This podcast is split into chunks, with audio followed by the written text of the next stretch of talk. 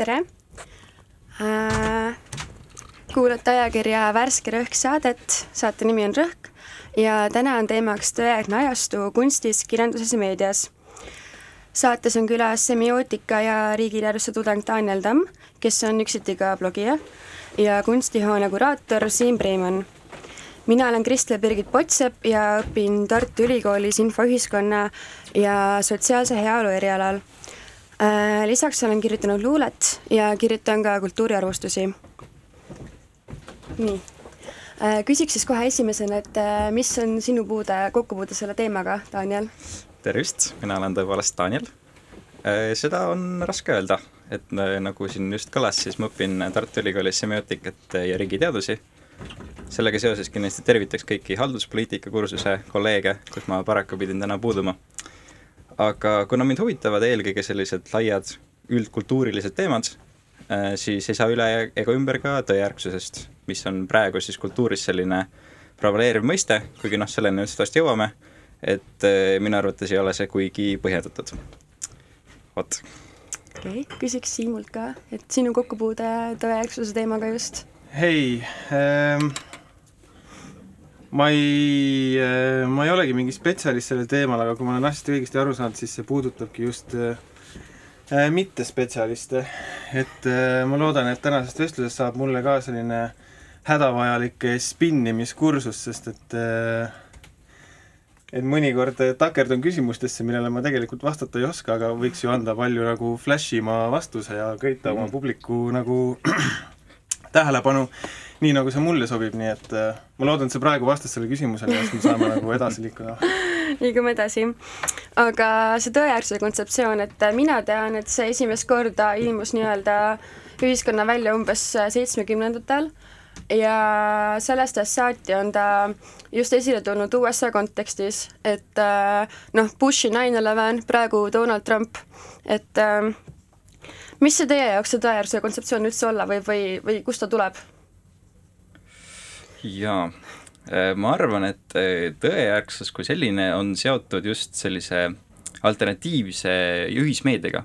ehk siis tegelikult ma ütleksin, et selle kurja juureks võib üldse pidada Gutenbergi trükipressi, kuna tegelikult sealt alates läks lahti selline nii-öelda võimalus oma äh, mõtete avaldamiseks niimoodi väljaspool sellist ühte nagu ametlikku voogu et äh, kõik said trükkida, mida tahtsid, see viis siis ka mõned hullud äh, koguni lõid need kiriku seintele ja teadagi, mis juhtus. et seal, tegelikult selles mõttes tõejärgsus on nagu väga vana nähtus. et ja see viitabki kõige üldisemalt siis sellene, sellele, et, äh, et ei ole sellist ühte ülevalt tulevat tõde, mida keegi dikteerib, vaid just tõde on see, mida indiviidid ise loovad oma arvamuste ja emotsioonide põhjal ja see on kindlasti võimendunud siis läbi interneti ja läbi, läbi üldise tehnoloogia, nagu me saame siin ka raadios, raadios käia rääkima, rääkimas, et sellepärast on ta kaasaegne nähtus, aga see nagu asja iva läheb tegelikult väga kaugele, tundub mulle. nii et me ka sinuga kultiveerime siin praegu mingisugust äh, alternatiivset äh, tõde koos, jah. minu jaoks see, see sõna nagu äh, mulle tekitab mingisuguse vastureaktsiooni, et mitte öelda okserefleksi, et on tunne, et ta on nagu mingi üks nendest hästi-hästi äh, nagu käibel olevatest nagu fraasidest praegu, et see ongi nagu huvitav, et äh, et kunstis ka alati on, eks ju, trendid, on mingisugused teemad, äh, mida sa siis märkad nagu rohkem näitesaalivisena näi-, näituste kontseptsioonides, siis see tõejärgsus on kindlasti nagu üks nendest, et see on nagu selline natuke on nagu piinlik tunnistada seda nagu vastumeelset reaktsiooni, sest et ühtpidi see näitab, et on mingisugune noh, üle, ülesatureeritus või mingisugune, ma nagu, mul on nagu liiga palju mingisugust asja, on ju, aga teistpidi järelikult see siis on mingisugune asi, millest peab nagu rääkima või mis tuleb nagu kogu aeg teemasse tagasi, nii et ma üritan ennast ka nagu alati kuidagi niimoodi dresseerida või hoida, et et see vastumeelsus nagu ei takistaks mul siis tegelikult nagu süvenemast äh, sellesse, mida siis kunstnik või kuraator antud juhul nagu tahab öelda. aga fakt on see, et kui sa ütled tõejärgne, siis sa kiiresti ütled Brexit ja siis pärast seda sa kiiresti ütled Trump ja siis hakkad ikka silmi keerutama, et nagu me ei saa mitte ühtegi nagu normaalset vestlust pidada äh, ma ei tea, avalikust poliitikast või nagu globaalsest nagu ühiskondlikust seisukorrast üldse, ilma et me nagu ei takerduks nende asjade otsa, et minu jaoks ta on pigem niisugune jah, nagu kompleksne tunne, et midagi, millest ma nagu ei taha rääkida, veel on nagu väsinud rääkimast, aga mis äh, paraku on siin, et jääda jaa, ma olen ka nõus sellega, et eh, tõejärgsus mõistena mulle ka väga ei istu, just sellepärast, et ta viit-, viitab sellele, et on olnud mingisugune tõde, millest me oleme siis irdunud, eh, kaugenenud, aga paratamatult see niimoodi pole. pigem häda ongi selles, et tõdesid ongi liiga palju ja igaühel on õigus seda oma tõde niimoodi kultiveerida, mis tähendab, et tekivadki sellised väga killustunud arvamuskogukonnad, kus saavad kergesti liikleda sellised vastuolulised informatsioonikillud. aga kus see piir siis jookseb? Just selle tõe teema koha pealt, et igalühel on ju oma tõde ja mingisugust universaalset tõde ei olegi olemas, aga teisalt mul on ikka tunne, et praegu me kuidagi oleme polariseerunud äkki nii palju, et kuskil läheb see tõde natukene piiridest välja. Mm mõtle, kui lihtne oleks, kui meil oleks ikka veel mõni valgustatud monarh või keegi, kes nagu meile ütleb ette ilusti ära, mis see nagu, kelle käes see tõde nagu oleks, meil oleks nii palju lihtsam nagu elada, ei, ma ei saa, seda ma valgustatuks küll ei nimetaks ta võib nagu monarh, monarhi küll meenutada, aga ähm, oota, mis sa küsisid, et kus see piir läheb või? jaa. just see tõe piir, et millal ta, millal see tõde enam ei ole okei okay,, et millal ta on, ütleme, ühiskondlikult taunitav? kui üldse on? või võib igaüks enda tõde ajada? oh, ma ei tea ma võtaksin ise sellise võib-olla isegi kantiaanliku seisukoha, et et, et tõde on justkui selline asi, milleni me ei saagi jõuda, et see on mm -hmm. nii-öelda siis see asi iseeneses, äh, et, et, et me ei saa, lepi kunagi kokku, mis see täpselt on ja kus see on, et see ongi üsna lootusetu, aga samas ma siiski usun, et on nagu võimalik sellele saada üsna lähedale mhm. et mõned tõlgendusviisid on tõelisemad kui teised. aga ma kardan, et kui me üritame siin tõde ära defineerida, siis äh, siia, siis siia me jääme et mm, -hmm. et see on selline maru libe tee. jah, seda kindlasti, aga et äh, see, see tõdede rohkus või seisukohtade rohkus on kindlasti nagu meie aja äh, haigus, et äh, see, et meist siin on saanud sellised vabad subjektid, et kas see vabadus on siis tarbida või mõelda või sõnastada, et siis see ka nagu tingib sellise seisukohtade ja tõdede paljuse, et ma jõuan, nagu näete, ikkagi tagasi selle valgustatud monarhi juurde, et kui me ei oleks sellised vabalt mõtlevad subjektid, siis siis meil ei oleks ka nagu seda äh, probleemi mm. -hmm. aga ütleme, et kui, kui oluline see tõde üldse võiks olla kunstis või kirjanduses, sest et need mõlemad on ju väga subjektiivsed valdkonnad? Äh, jaa, mina siit kohe jäingi mõtlema selle peale, et äh, mul on selline tunne, et äh, äh, kuidas öelda, see on nüüd keeruks nagu sõnastada, sest et kui ma hakkan nüüd rapsima, siis ma võib-olla solvan kedagi ja seda ma küll ei taha teha, aga võib-olla me nagu kuidagi suudame seda ikkagi viisakalt öelda, et et kui äh, kirjanduses ka, aga mul on tunne, et kirjandus on nagu selles mõttes nagu äh, jutustavam ja kuidagi tal on võimalus olla vahetum, et äh, ma ei oska nagu öelda, et mis võiks olla kaasaegse kunsti äh, vaste näiteks nagu eneseabi äh, kirjandusele, mis on jälle nagu mm, -hmm. ma ütleks, et mingisugune nagu ütleme, mingi subjektiivse tõe esitamise platvorm, et ma ei näe, ma ei näe midagi, mis oleks nagu nii efektiivne kunstisaalis, võib-olla ma olen lihtsalt pime, aga kunstis kindlasti minu meelest on nagu huvitav see, et see et see fantaasia või see nagu libajutt on nagu avalik. või noh, et kui mina astun nagu sellesse kunstikeskkonda, siis ma nagu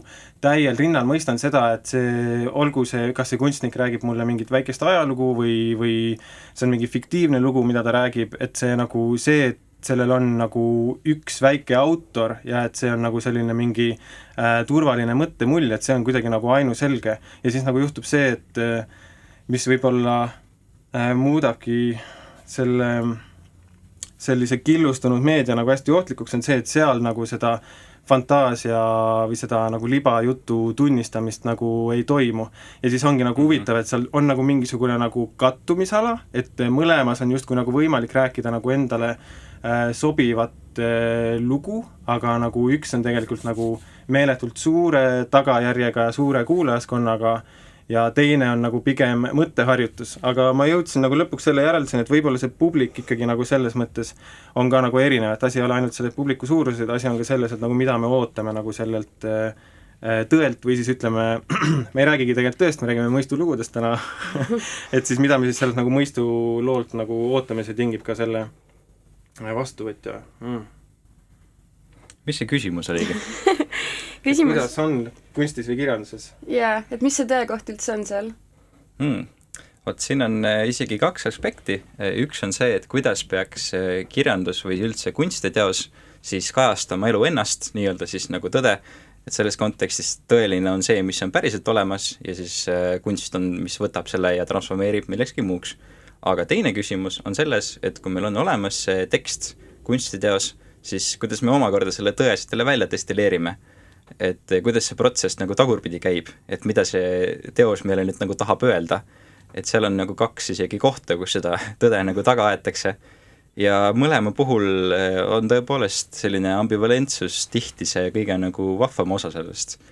et eh, võib-olla selleni jõuame hiljem põhjalikumalt, mhm. et eh, kuidas siis tänapäeval seda tõde nagu ammutada, et mida üks tekst tahab meile öelda mm, -hmm. no teksti all ma mõtlen siis sellist üldisemat tähenduslikku üksust, et võib-olla laiendada seda kunstile kui sellisele mm. -hmm aga huvitav on ka see, et tegelikult see nagu äh, selle libatõe esitam-, et see küsimus ei ole ainult selles, et kes seda valdab ja seda nagu esitab, vaid minu meelest see on ka see on nüüd selline autorisurmalik nagu seisukoht, aga et see nagu libatõde on ka nagu lugeja enda konstrueerida, et kui et seda informatsiooni on nii palju, et kui sa võtad nagu kätte, loed midagi ja siis solvud või, või, või ei solvu, äkki me kõik ei solvu, me lihtsalt nagu tõlgendame endale sobival viisil, aga muudame selle nagu mingiks raudkindlaks asjaks endale mm. -hmm. et minu meelest hea näide on see või ei väsi seda tsiteerimast, kuigi ma nüüd ülepea ei armastanud seda raamatut, see Karlove Knauskaardi Minu võitlus, kus äh, ka on ju, Knauskaard ju tegelikult äh, sattus nagu kohtusse minu meelest äh, nagu äh, perekaaslased eh, või, või laiendatud suguvõsa liikmed, kellel nagu probleeme sellega, et kuidas ta siis oma selles poolautobiograafilises raamatus neid nagu kujutas ja see on minu meelest mm. ka niisugune hea, hea näide sellest, et mis on nagu fiktsiooni või siis ütleme, mis on siis nagu loomingu ja dokumentatsiooni nagu vaheala või kus üks lõpeb ja teine algab. ja ma mäletan, et kui mina seda raamatut lugesin, siis ma ka nagu mingil hetkel nagu mõtlesin, mingi maani nagu mõtlesin selle peale, et vau, et kuidas, kuidas ta kirjutab oma vanaemast niimoodi, nagu kes see teeb oma vanaemale niimoodi, et ta nagu jätab tast nagu nii haleda mulje. Ja siis hiljem ma alles nagu sain nagu aru, et, et mind on nagu tillist veetud, et eh, mina võtsin endale nagu selle vabaduse tõesti uskuma jääda seda, et see võiks olla autobiograafiline lugu, unustades selle noh, et tegelikult, tegelikult on tegemist nagu kirjanikuga, et see, see on, see võib olla lõpuni välja fiktsioon, on ju, ma isegi ei saa kontrollida seda, kas sellenimelised perekonnaliikmed tal nagu lõpuks üldse nagu eksisteerisid. et see jah ähm,, on niisugune hea näide, ma arvan, sellest nagu hallist alast, et kus nagu kunstiteos, kunstiteose peale saab ka reageerida nagu alternatiivse tõe peale.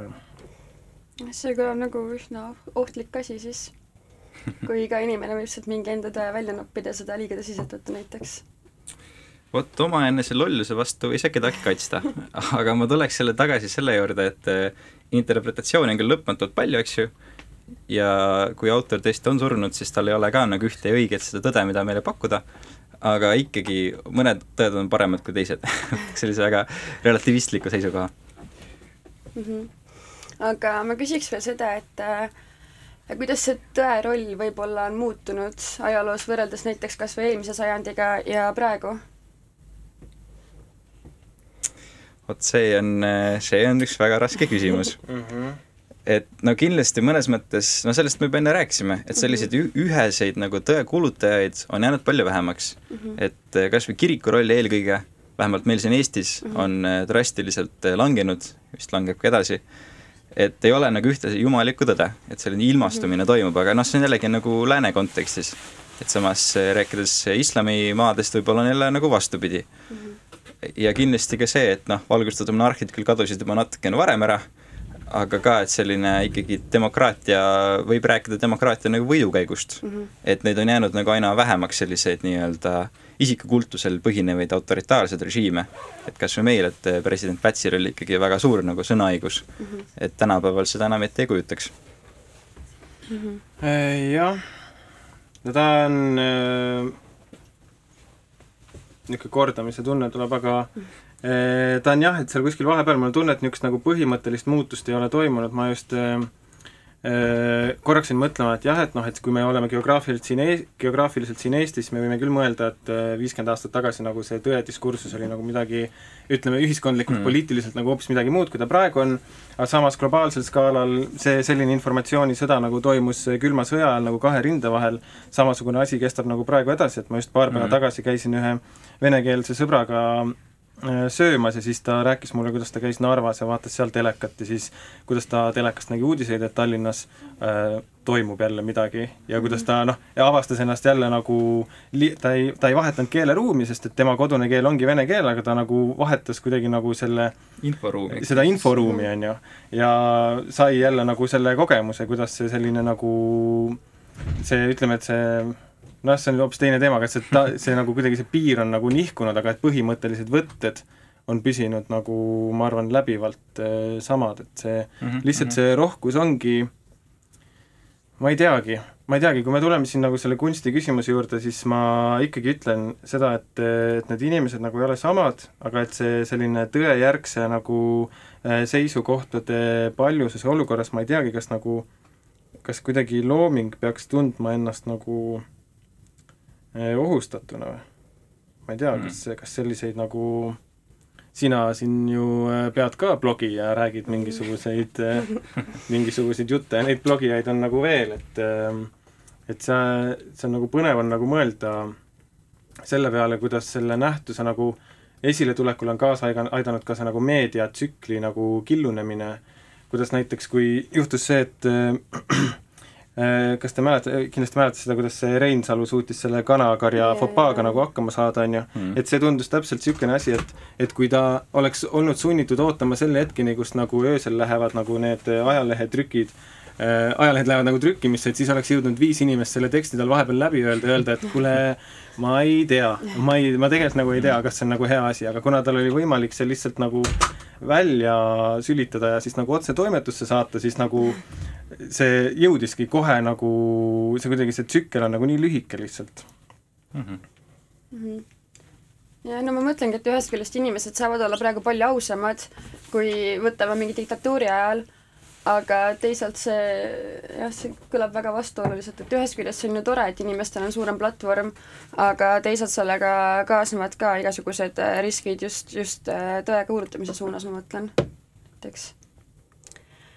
okei. Okay aga ajaloo kontekstis äh,, Daniel, sina, sina mainisid äh, Stalini-aegseid järelsõnasid ja sotsrealismi kunstivooluna, räägi sellest veidi lähemalt see, see on tõepoolest selline kas just guilty pleasure, aga mõnes mhm. mõttes nagu väga lummav äh, lugeda just selliseid äh, sügava stalinismi ajal nagu välja antud äh, teoste järelsõnu just eesti keeles ja täpsemalt siis just need kirjanikud, keda siis tõlgiti välismaalt nii-öelda mm. väljaspool äh, seda liitlaste, liitlaste nagu leeri, et näiteks äh, eelmine aasta Prantsuse kirjanduse kursusel ma võrdlesin äh, Emile Zola söekaaburit erinevaid järelsõnu, kuna seda on vist viis trükki nagu välja antud, et mida kõike annab nagu välja lugeda et et see on täiesti nagu, no et noh, sõna lummav ma juba kasutasin, aga just see, kuidas sa võtad nagu ühe selle idee ja siis leiad seda igalt poolt mm, -hmm. et kirjutavad seal, et, et see sola naturalism, et noh, anname selle andeks, ta ei teadnud, mis ta tegi, aga see, kuidas mm -hmm. ta mhm. siin äh, kirjutas tõelist elust, et vot see on nagu muah, nagu meisterklass. Ja samamoodi sotsrealism, et äh, ma ei tea, Kumu vist ma pole ammu käinud seal, aga enne see püsinäitus algas nagu selle mhm. vooluga, et ta kuidagi alati nagu ehmatas ära natukene, et, et, et seda on nagu tagantjärele selline kuidas öelda, kurb naljakas nagu vaadata ja lugeda, et ühest küljest väga huvitav aga samas võtab ka nagu võtab ka natuke nukraks. et see oli olukord, kus siis saigi ühte tõde nagu kuulutada, et, et noh, see oligi siis see nii-öelda tõe, tõe ajastu, kui oli üks tõde. Aga kes see praegu, ütleme, kuulutab seda tõde, mis mingis tekstis võib olla? kas see on kellegi vastutus või? oh, eks seal neid instantse ole palju, no kindlasti autoril nagu on mingi sõnaõigus, ütleme, et, et temal on võimalik meediast tulla välja, temal on võimalik kirjutada saatesõnu Äh, Sola ise ka kasutas seda meediumit ise. ja muidugi kriitikutel on ikkagi mingisugune roll mm, -hmm. et äh, et, et, et äh, raamatu trükkimine on küll kergem kui kunagi varem, aga lugemus nagu ei tea, kui palju suureneb, et aga kindlasti ka lugejatel enditel on lõplikult et tegelikult see õigus nagu ise jõuda omade järeldusteni. Mm, -hmm. et mis ei pruugi alati olla kõigi nagu adekvaatsed, et näiteks hiljuti ma, või tähendab, hakkasin uurima põrgapõhjut vanapaganat. Mm, -hmm. Mis on ka selline hea näide sellest, kuidas sealt saab leida igasuguseid äh, ekspluateerimise teemasid, eks, et -hmm. mida see, keda see kavalants nagu esindab, et Tammsaar ise ka nagu natukene teadlikult, eks ju, pilas seda nii-öelda äh, sellist äh,, kuidas öelda, väike, väikekapitalisti sellist ahistamist, aga noh, see pole nagu peamine yeah.. vot, aga et kui keegi nüüd leiab, et see raamat on tõesti ekspluateerimises, siis noh, tal on õigus seda arvata mm. -hmm. lihtsalt, et, et ta saaks minuga seda arvama, ta peab ennast nagu väga hästi põhjendama mm. -hmm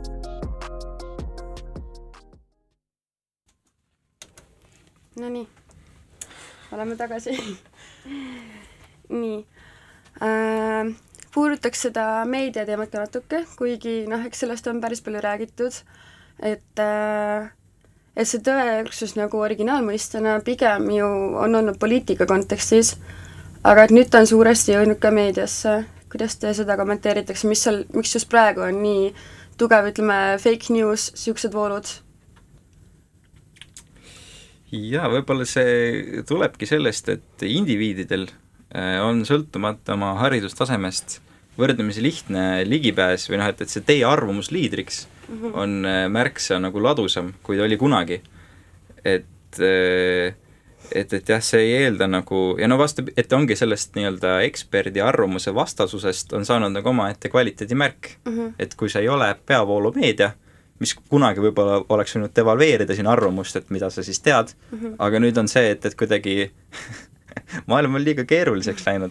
et see äkki see peavoolumeedia ikkagi ei ole nagu see õige, et äkki neil on hoopis mingisugune mhm. selline ideoloogia, mida nad ülevalt alla nagu meile peale suruvad ja seega sellisest eh, nii-öelda alternatiivmeediast, mis kunagi oli pigem selline halustav märk, on saanud just nagu kvaliteedi tähistaja, nagu mm -hmm. ma mhm. ütlesin.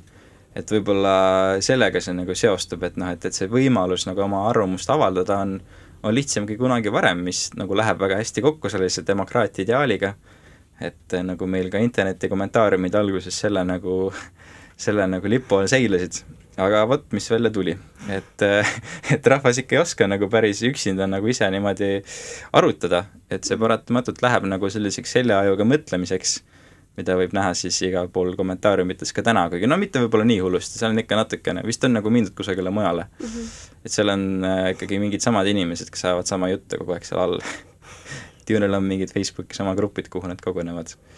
vot, nii palju siis sellest meediast minu meelest on lahe, et see eelmise jupi lõpus tuli see nagu tsensuuri teema välja, et mm -hmm.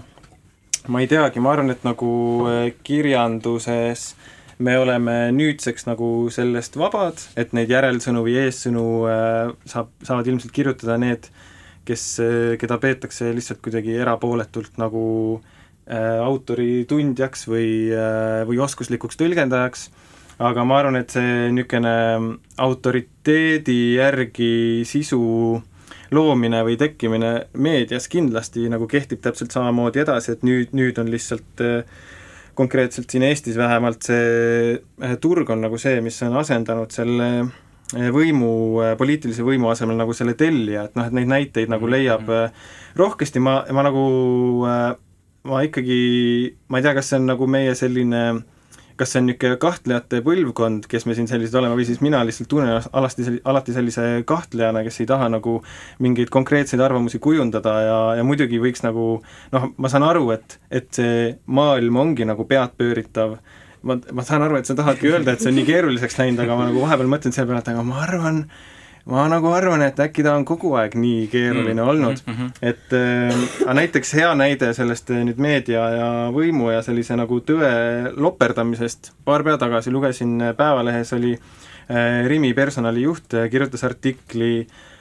äh, oota, tal oli, tegelikult oli artikli mõte oli see, et väärtusta, et maha noorte kultus ja väärtustame vanemat tööjõudu ja siis see oli, kõik oli nagu väga väga okei okay,, noh et ei peagi olema see noorte kultus mis iganes, on ju, aga siis seal hakkasid tulema niisugused asjad välja nagu, et et äh, kõige parem töötaja on nagu viiskümmend pluss, sest et ta võtab äh, haiguse jaoks nagu vähem päevi välja, et noored ikka on rohkem haiged ja siis sa nagu mõtled, et no ma ei tea, kas see nüüd on nagu hea asi, mida nagu kõvele ka välja öelda, et ärge võtke nagu haiguspäevi, et minu meelest see pigem on Eestis nagu probleem, et inimesed saavad nii vähe palka, et nad ei julge seda haigust väljagi võtta. Jõuan natuke aega edasi, kaks päeva hiljem näen telekast on äh, uus Rimi reklaam, äh, mis kutsub enda juurde töötama viiekümne, üle viiekümne aastaseid naisterahvaid. Ja siis sa saad nagu aru, et aa, ma ei lugenud äh, nagu sellist sotsiaalse, ühiskondlikult tundliku indiviidi seisukohavõttu, kes juhtumisi töötab kuskil, vaid ma lugesin eelsoojendust algavale Äh, reklaamikampaaniale ja see, mm. et see nagu äh, tihti see, mida sa nagu loed justkui selle tõena või midagi, mis nagu peidab ennast mingisuguse nagu sotsiaalse valupunkti kuidagi nagu pakendisse, on lõpuks ikkagi reklaam, et sama juhtus näiteks selle Leslie Tabassi ja selle Elastic Naise on ju äh, kaubamehe naise lauluga Eurovisiooni ajal, kes te yeah. mäletate, nii et noh, niisugused asjad, et et seda ja siis see ma ei tea, kui tihti see, ma ei tea nagu, kui läbipõimunud see on, et äh, või kui tundlik see silm, see ütleme niisugune keskmine silm sellistele asjadele tavaliselt on, aga see nagu mind paneb küll nagu võpatama, et sa nagu sorid nendes meediaväljaannetes ja nagu mõtled, aga kus on lihtsalt uudised, noh, et kus, kus on lihtsalt, ma tahan lihtsalt uudiseid lugeda ja siis loed jälle mingit äh, juhtkirja ja saad aru, et oota, oota, oota miks siin parteilist kuuluvust nagu kirjas kõrval ei ole või midagi taolist. okei okay,, aga ma mõtlen just seda, et eriti seoses nende võltsuudistega ja ütleme, kas või ka noh, Eesti kontekstis väga aktuaalne teema on äh, alternatiivmeditsiin, MMS ja kõik niisugused asjad, pluss muidugi tohutud arvamusavaldused, et äh, näiteks Siim, et kas sa tunned, et ütleme, näiteks ajakirjanikud või poliitikud on sulle näiteks konkurendid kirjutamises, kirjanikudele näiteks? et see on ka ju omamoodi looming tegelikult, mis nad teevad mm. -hmm no ütleme nii, kunstinäituste valmistajana äh, mul oli äh,, kui ma alustasin, äh, siis mul oli selline äh, heatahtlik ja naiivne uskumus, et kunstinäitustega on võimalik äh, muuta maailma ja et need on nagu aktivistlikud platvormid, aga tegelikkuses ma arvan, et see nagu nii üks-ühele nii ei ole, et see kindlasti ei ole noh, mina ikkagi ütlen, jõuan tagasi selle, mis ma alguses ütlesin, et need publikud on nagu erinevad ja ma ei näe neid nagu äh, seda meediat nagu otseselt äh, enda väljundi konkurendina, et see, mhm. kuidas loomingut tarbitakse ja kuidas meediat tarbitakse, on nagu põhimõtteliselt nagu erinev ja ma arvan, et äh, nii äh, ilukirjanduse kui kujutava kunsti äh, nautija või tarbija äh, tarbija on nii vastik öelda, tarbija äh, sõber, kunstisõber on äh, sedasorti inimene tavaliselt, kes nagu äh, mõtleb veel paar sammu edasi, et tal on, ütleme siis see, see, see hea väljend, see allikakriitiline suhtumine või midagi taolist mm, -hmm. et kes ei lähe nagu selle äh, libauudise õnge ja ei lähe ka selle kunsti õnge, et äh, aga jah, et see mm,? Aga nad on konkurendid, nad on konkurendid nagu selles mõttes, et ütleme, kunstijoones küll vahepeal, kui me nagu mõtleme enda turundamise peale, meil ei ole turundusinimest näiteks tööl, et ma vahepeal seal boost in mingeid Facebooki asju ja siis mhm. vahepeal juhataja teeb Facebookis meil kampaaniaid ja aga siis me küll nagu kuidagi tunned ennast nagu äh, noh, et sa tegelikult teed nagu kultuuri, aga selleks, et kuidagi üle selle nagu vahuse meediakünnise nagu tungida, sa pead kuidagi suutma nagu seda kultuuri lihtsustada ja labastada nagu hästi lihtsate mingi nii, sul on nüüd hästi, meil on praegu äh, seitsmekümnendate äh, abstraktsionismi näitus, aga nagu mis oleksid nagu hästi head niisugused flash'id, neli lihtsat sõna, mis nagu seal mm. Facebooki feed'is nagu välja hüppavad, et see selles mõttes see konkurents, konkurents nagu eksisteerib, et selleks, et kuidagi ennast nagu kuuldavaks teha, siis muidugi peab mm -hmm. nagu mhm. selle palju äh, atraktiivsema ja hõlpsasti seeditava meediaga nagu kuidagi konkureerima mm. -hmm. aga miks ta võib nii olla, et inimesed tihti tarbivad äh, Eesti meedias kas või ka ütleme, alternatiivmeediat või alternatiivseid uudiseid, et just kõik, mis vastandub peavoolule, et võtame kas või selle, et noh, et äh, just alternatiivmeditsiini kontekstis, et praegu, kui sa oled raamatupoodi, siis äh, kindlasti on top kümnes paar raamatut, mis äh, räägivad sellest, et sa saad silmavähi, sellepärast et sa vaatad nõmedaid inimesi umbes ja et kui sul on rinnavähk, siis nagu ma ei tea, lükka mingi smaragd peale et miks ta, miks ta praegu just nii palju müüb? parem, noh, rohkem kui ütleme, mingi palju parem, objektiivselt palju parem kunstiteos? vot see vist tuleb tagasi selle lihtsuse juurde, et et inimestele meeldib kuulda seda, mida nad juba teavad. et et ja noh, teiseks neile ei meeldi olla loll. mulle ka mitte. Et ja see ongi see häda, et selline traditsiooniline meditsiin on kuidagi väga kaugenenud inimesest nagu endast, et tal on seljas valge kittel, ta räägib väga keerulist juttu, millest midagi nagu väga aru ei saa, et selline alternatiivmeditsiin annab inimestele seda infot, mida nad nagu tahavad kuulda Mm -hmm. et, et, et see seostub kusjuures semiootikas väga olulise kontseptsiooniga, et võib eristada kommunikatsiooni sellisele mina-mina teljel ja mina-tema teljel, et mhm. mina-tema on siis võib-olla selline traditsiooniline arst-patsient suhe, eks ju, kus vahendatakse mhm. mingisugust informatsiooni ja sa tead ise nagu ei muutu. et sul on see haigus, sa pead tegema seda, seda, see on nagu väga staatiline ja sina hakka nüüd tegema aga mina-mina kommunikatsioon on kirjeldatav rohkem sellise autokommunikatsioonina. et sulle öeldakse seda, mida sa nagu juba kuidagi intuitiivselt tead, et mm -hmm. rohkem lähedust loodusega, kivis, no kristall on nagu väga ilus, et hoia seda käes ja silita sealt, et sellisel juhul see info nagu on pakendatud teistmoodi, aga ta paigutab üm-, paigutub ümber just nimelt nagu ajas ja ühtlasi transformeerib ka seda tead-, teate nagu saajat. et, et ja see on palju nagu mõjuvõimsam mm. -hmm et võib-olla selles on asi, miks alternatiivmeditsiini poole pöördutakse ja noh, see ongi natuke selline brändimise küsimus, et kuidas teha keerulisi asju lihtsaks ja on, on raske. ja no just, et, et, et maailm on nagu alati muidugi liiga suur ja raske, et sa aru saad, et see pole midagi uut. et hea näide on kas või maailmakaart, mida tihti tuuakse, et lihtsalt sellist kerakujulist, eeldades, et maa on kera muidugi, et, et seda on võimatu kujutada nagu tasapinnal tegelikult nii-öelda geograafiatunnis seina peal ja seega nad on natuke nagu välja venitatud, need pooluse äärsed alad, et Kanada ja, ja Venemaa võib-olla ei ole päris nii suured ja nii edasi, aga noh, see on jällegi nagu paratamatu mudeldamine. et mingisuguseid kompromisse nagu tuleb teha, et tervikut ei saa hoomata üks lihtsurelik Äh,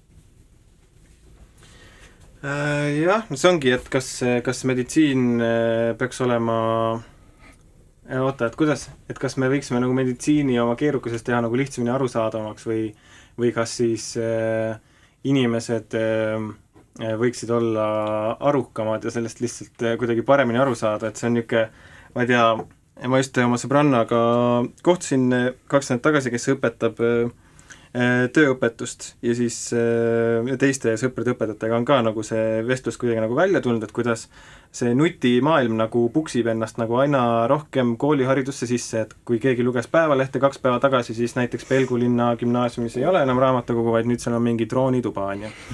et äh, selles mõttes, et seal ongi, see ongi, see ongi see tegelikult, mis nagu sünnitab neid inimesi, kes Äh, ei taha kuulda arsti käest seda keerukat nagu juttu, vaid äh, kes tahavad nagu seda lihtsamat vastust. ma tegelikult ikkagi lähen tagasi ka, ma pean nagu ütleme, mitte tõe, aga aususe huvides minema sinna, et ma ikkagi olen kahtleja, nii et ma äh, ma arvan, et see õige kristall õiges kohas äh, võib olla väga abili väga suur abi, aga noh, ma arvan, et see ei ole ka nii Eh, et see, ma ei kanna ka siin nagu meditsiini, tegelikult kaasaegset meditsiini maha mm, -hmm. aga jah, et see mm, vahepeal nagu, kui sa vaatad neid tendentse nagu hariduses ja kuuled seda oma sõprade käest, kes õpetavad, et siis sa küll mõtled selle peale, et, et kas see nagu haridussüsteem, no ütleme, et kui küsimus on tõesti selles, et eh, juba lapsevanemad lapsevanema koosolek, lapsevanemate koosolekul küsivad, et kes, kes hakkab kuduma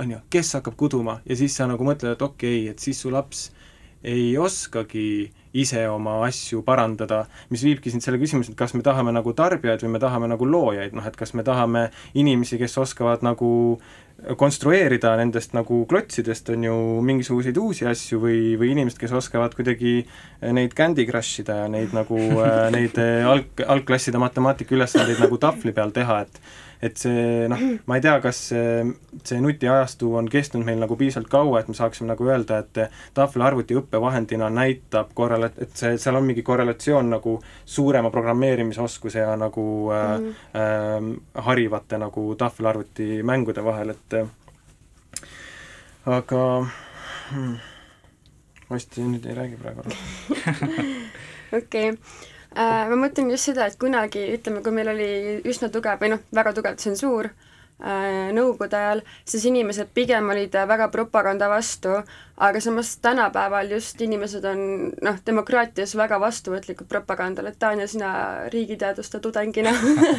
No niivõrd kõvad, jah. Äh, vot nüüd ei tea jah, et see propaganda nagu vastuvõtlikkuse osas, äh, seda on meil väga raske öelda, kui vastuvõtlik keegi oli, sellepärast et hetkel, kui kuulutati veel iseseisvus, oli väga lihtne öelda, et ei, mina ei usk-, ei uskunud kunagi nagu, et ma olin alati eestimeelne algusest lõpuni, nojah, eks ju. Äh, aga samas näiteks sattusin hiljuti vaatama huvitavat filmi, mille nimi oli vist Meie uus president, äh, mis keskendus siis sellele, kuidas äh, Venemaal kajastati USA siis viimaseid presidendivalimisi mm. -hmm. ja seal olid klipid kõrvuti siis sellisest ametlikust uudistesaadetest, ehk siis mida tegi valesti Hillary ja mida tegi õigesti, õieti Donald mm, -hmm. ja siis pärast, kui tuli välja, et Donald äkki ei olegi nii venemeelne, siis mida tegi valesti Donald, vastavalt vajadusele aga sinna kõrvale olid monteeritud ka sellised nagu mm, klipid inimeste nagu endite nagu nii-öelda vaatenurgast. ja vot, ja uskusidki, et seal käidi tänaval ringi mikrofoniga, küsiti, et mida te arvate sellest või sellest ja inimesed, kes ütlesid, et jaa, jaa, et ma olen väga kriitiline mõtleja, nad tegelikult kordasid nagu seisukohti, mis olid esitatud just eile õhtul selles nii-öelda kontrollitavas jutusaates mm no muidugi, see oli ka kokku monteeritud film, äkki oli võimalik küsida saja inimese käest üks osa lolli juttu, tema nagu pääses sisse, et seda ma ei tea. aga ma arvan, et see vastuvõtlis, vast-, vastuvõtlikkus propagandale on alles või noh, see ei ole kusagile kadunud. et lihtsalt Eestis on äh, praegu väga hea elada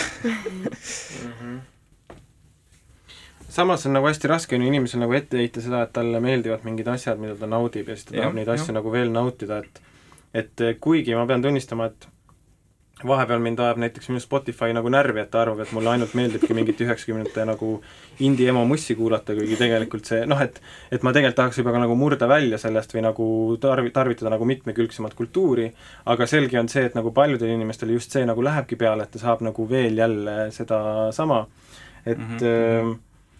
mm, sama on ka ma arvan just, et see, need alternatiivsed nagu meediavoolud äh, mina jah, et see Spotify mull, noh sellest on nagu raske välja murda, ta lihtsalt, ma õpetan seda Spotify'd aina rohkem, et ta õpib minu erinevaid maitseid nagu paremini tundma, aga äh, näiteks Facebookis ma jälgin uusi uudiseid just nimelt nagu teadlikult sellepärast, et äh, muidu mu nagu see feed näeb nagu väga ühesugune välja, et inimesed, kelle enamasti, kes mul nagu sinna feed'i on jäänud, on need, kellega ma jagan nagu samu vaateid, aga siis ma nagu lisan sinna ka Äh, neid, kes, kelle, selliseid nagu gruppe, mille puhul ma nagu tean, et see lihtsalt annab mulle nagu võimaluse nii-öelda näha nagu enda mm -hmm. mullist nagu väljapoole, aga noh, ma nüüd ei tea, kui paljud inimesed seda teevad, sest et iga kord, kui ma sellise nagu mingi äärmuslikuma grupi Facebookis leian, siis vaatan, et et seal on kolm sõpra ja siis sa nagu mõtled, et nii, kas nad on samasugused nagu niisugused nagu infojahid, nagu mina olen, või siis äkki ma peaksin neid nagu teise pilguga vaatama järgmine kord, kui me kuskil seltskonnas nagu kokku satume mm. -hmm. nii, aga nüüd kuulame väikelaul uuesti taaskord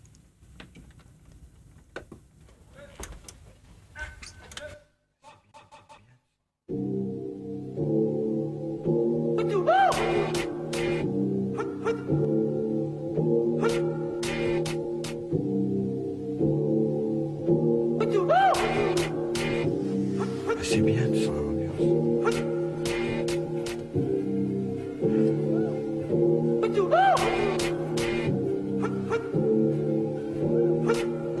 Vous avez lu l'histoire de Jesse James? Comment il vécu Comment il est mort? Ça vous a plu, hein? Vous en demandez encore? Eh bien, écoutez l'histoire.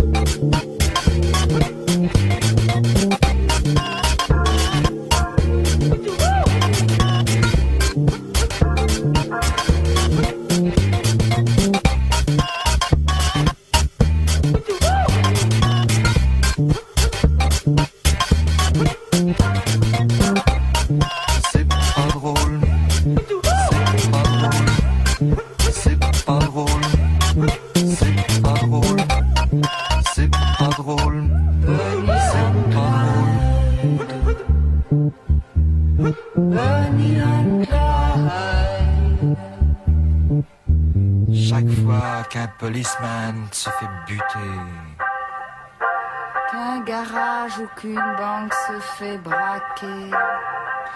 Pour la police, ça ne fait pas de mystère. C'est signé Clyde Barrow, Bunny Parker, Bonnie and Clyde. Bunny and Clyde.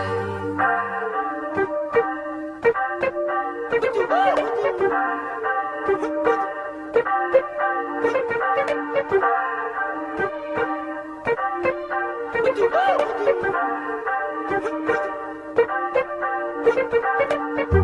you.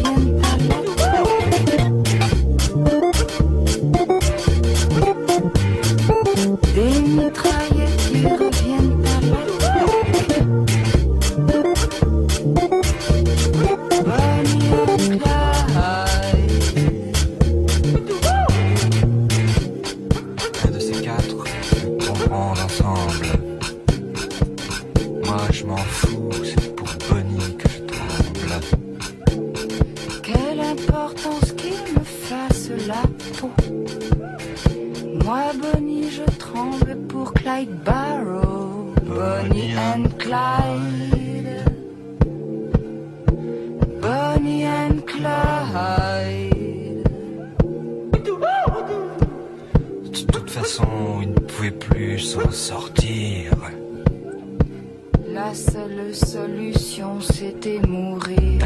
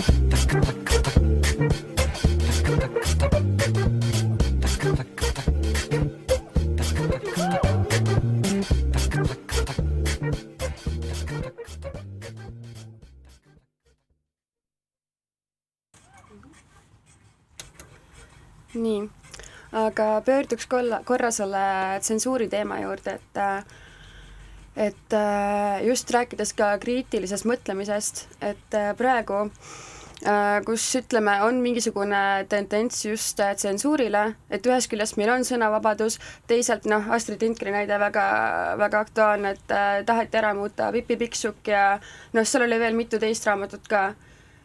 et äh, kus, kus see piir läheb, just see kriitilisuse piir või tsensuuri piir praegu sõnavabaduses?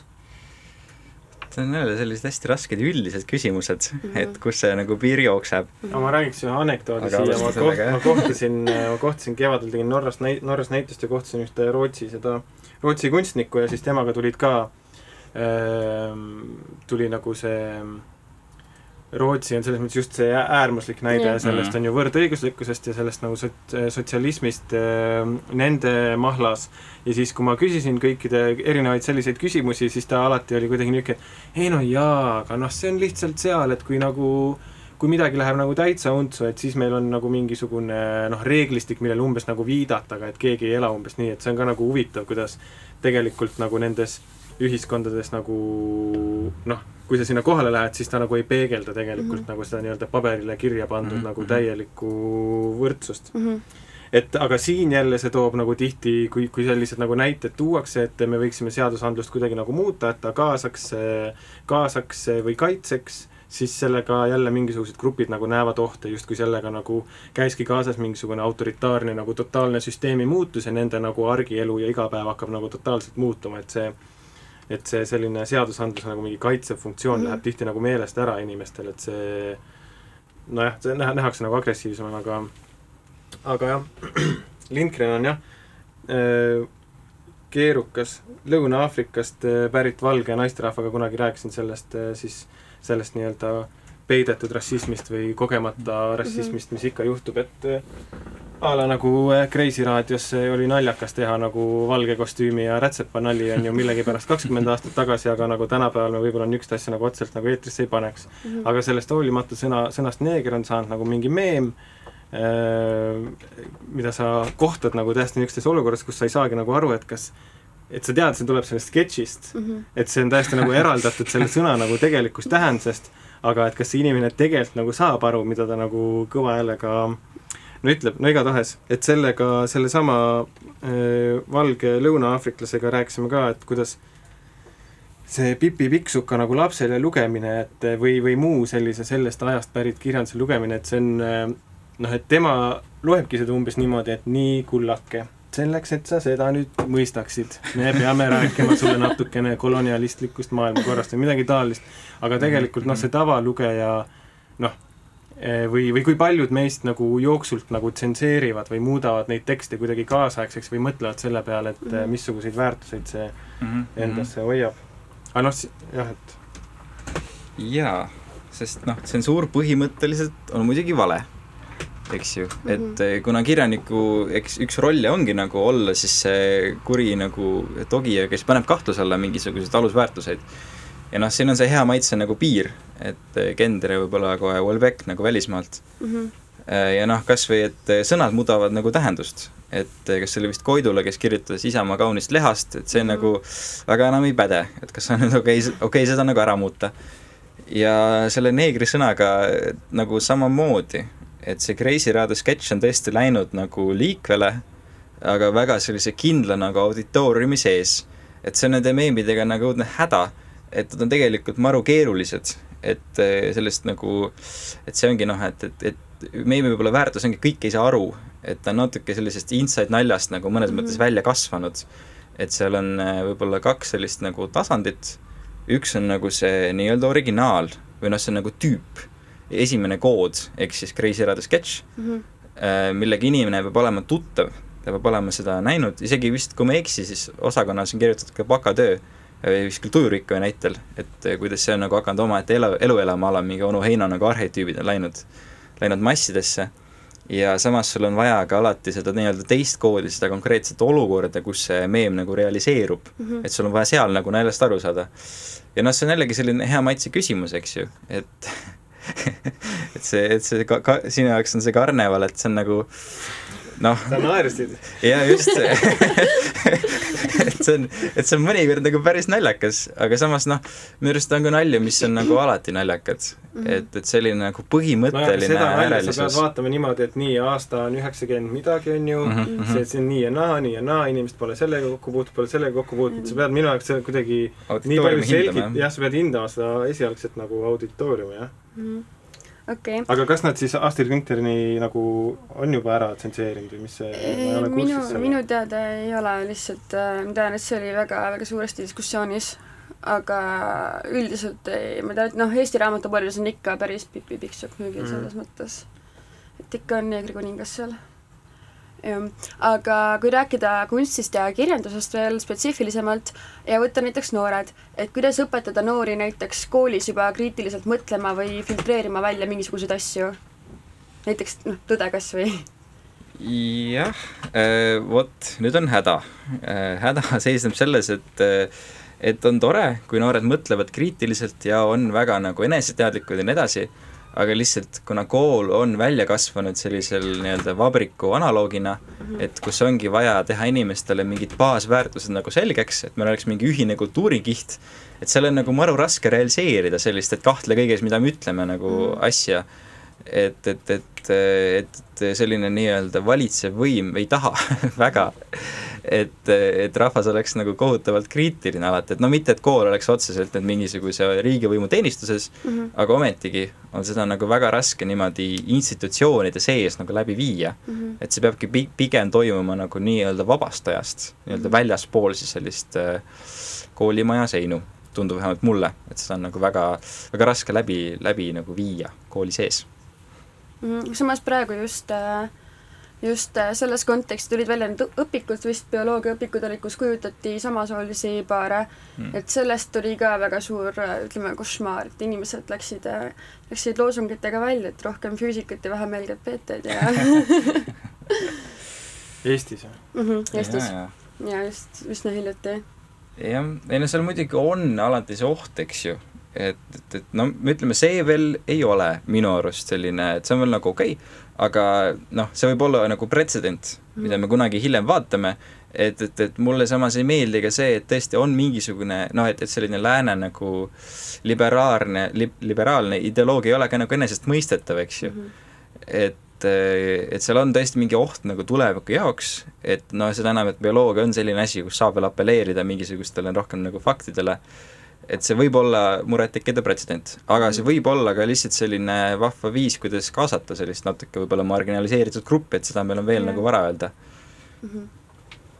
Siim, sinu mõtted kriitika osa pealt just, kuidas tõsta või kas on vaja üldse tõsta kriitilisust? ma just hiljuti äh, ma olen viis aastat EKA-s tunniandjana töötanud mm -hmm. ja sealt ma olen saanud selles mõttes need vitsad mm -hmm. ja et ja karmilt pidin iseendale ka meelde tuletama, millal mina esimesel kursusel olin, et see ei käi lihtsalt niimoodi, et nipsti hakkavad inimesed nagu kriitiliselt nagu mõtlema, et see Mhm. kriitiline reflekteerimisoskus tekib nagu pika aja peale, kui sa tegelikult ja enne, sellele eelneb oskuste omandamine, teadmiste omandamine, siis nende omavaheline sünteesimine, et nüüd, kui ma hiljem olen nagu juurde lugenud äh, hariduse, just nagu kunstihariduse teemalisi artikleid ja ettekandeid, et siis on nagu le-, le-, olen leidnud nagu äh, kinnitust nendele erinevate lugude näol nagu juhtumitele nagu minu enda kogemustest, et äh, mis ei tähenda nagu seda, et selle poole ei peaks nagu püüdlema, et äh, et see kriitiline oskus ikkagi, kriitilise mõtlemise oskus nagu ikkagi välja kujuneks nagu õpilaste hulgas aja jooksul mm. -hmm. et jõuda võib-olla tõesti nüüd saate lõpuks veel sellise alguse juurde tagasi mm, -hmm. et mulle tundub, et kirjanduse ja kunsti õpetamine ongi üks viise, kuidas siis koolis seda kriitilist mõt-, mõtlemist arendada mm, -hmm. just niimoodi pakkudes mitte võib-olla fakte kirjanike eluloo kohta, vaid just konkreetselt analüüsidagi tekste kui selliseid ja leida sealt siis selliseid nii-öelda ajastule viitavaid märke või siis no seda, mis on täiesti aegunud, mis on ikka relevantne, et, et vot, kirjandus koolidesse, hurraa, et mõnes mõttes see on vist isegi Valdi vist idee, et kuidas kunst tihti nagu hoopis vastupidi, et elu jäljendab kunsti. et see on seotav sellega, et, et, et kunstil on viis nagu viia jah, massidesse mingisugused sellised narratiivid ja kombed, võib-olla üks kurikuulsamaid näiteid on siis Goethe Narva Werteri kannatused, kes siis sooritas enesetapu väga spetsiifilises sellises värvikammas ja vot, ja kuigi selle raamatu võib-olla üks eesmärke oli sellise enesetappude võib-olla teadlik mm, -hmm. ühesõnaga, et see ei ole nagu lahendus, natuke nagu naeruvääristas selliseid mm -hmm. inimesi, aga vot, läks lahti nagu ulatuslik enesetappude laine nagu selle põhjal ja noh, et Simsonid ennetasid Trumpi valimist, et noh, see on natuke teine teema, et nad lihtsalt ennetasid nii palju või nagu ennustasid nii palju asju, et kuidagi nad pidid yeah. midagi täppi panema, aga minu arust seda on oluline nagu teadvustada, et tuua sellist kunsti ja loovust nagu rohkem kooli ja klassiruumidesse. jah. Siim, sinult ka mõned viimased mõtted? Eh, jah, et ma ei tea, kuidas selle kirjanduse, eesti keele kirjanduse õppekavaga on, aga minu meelest eh, sel ajal, kui mina keskkoolis käisin, siis lõigati kunstiajalugu veel vähemaks, minu meelest see kunstiajalugu minu kogemuses jõudis kuhugi kahekümnenda sajandi keskele, mitte tänapäevani välja Mm. Mhm.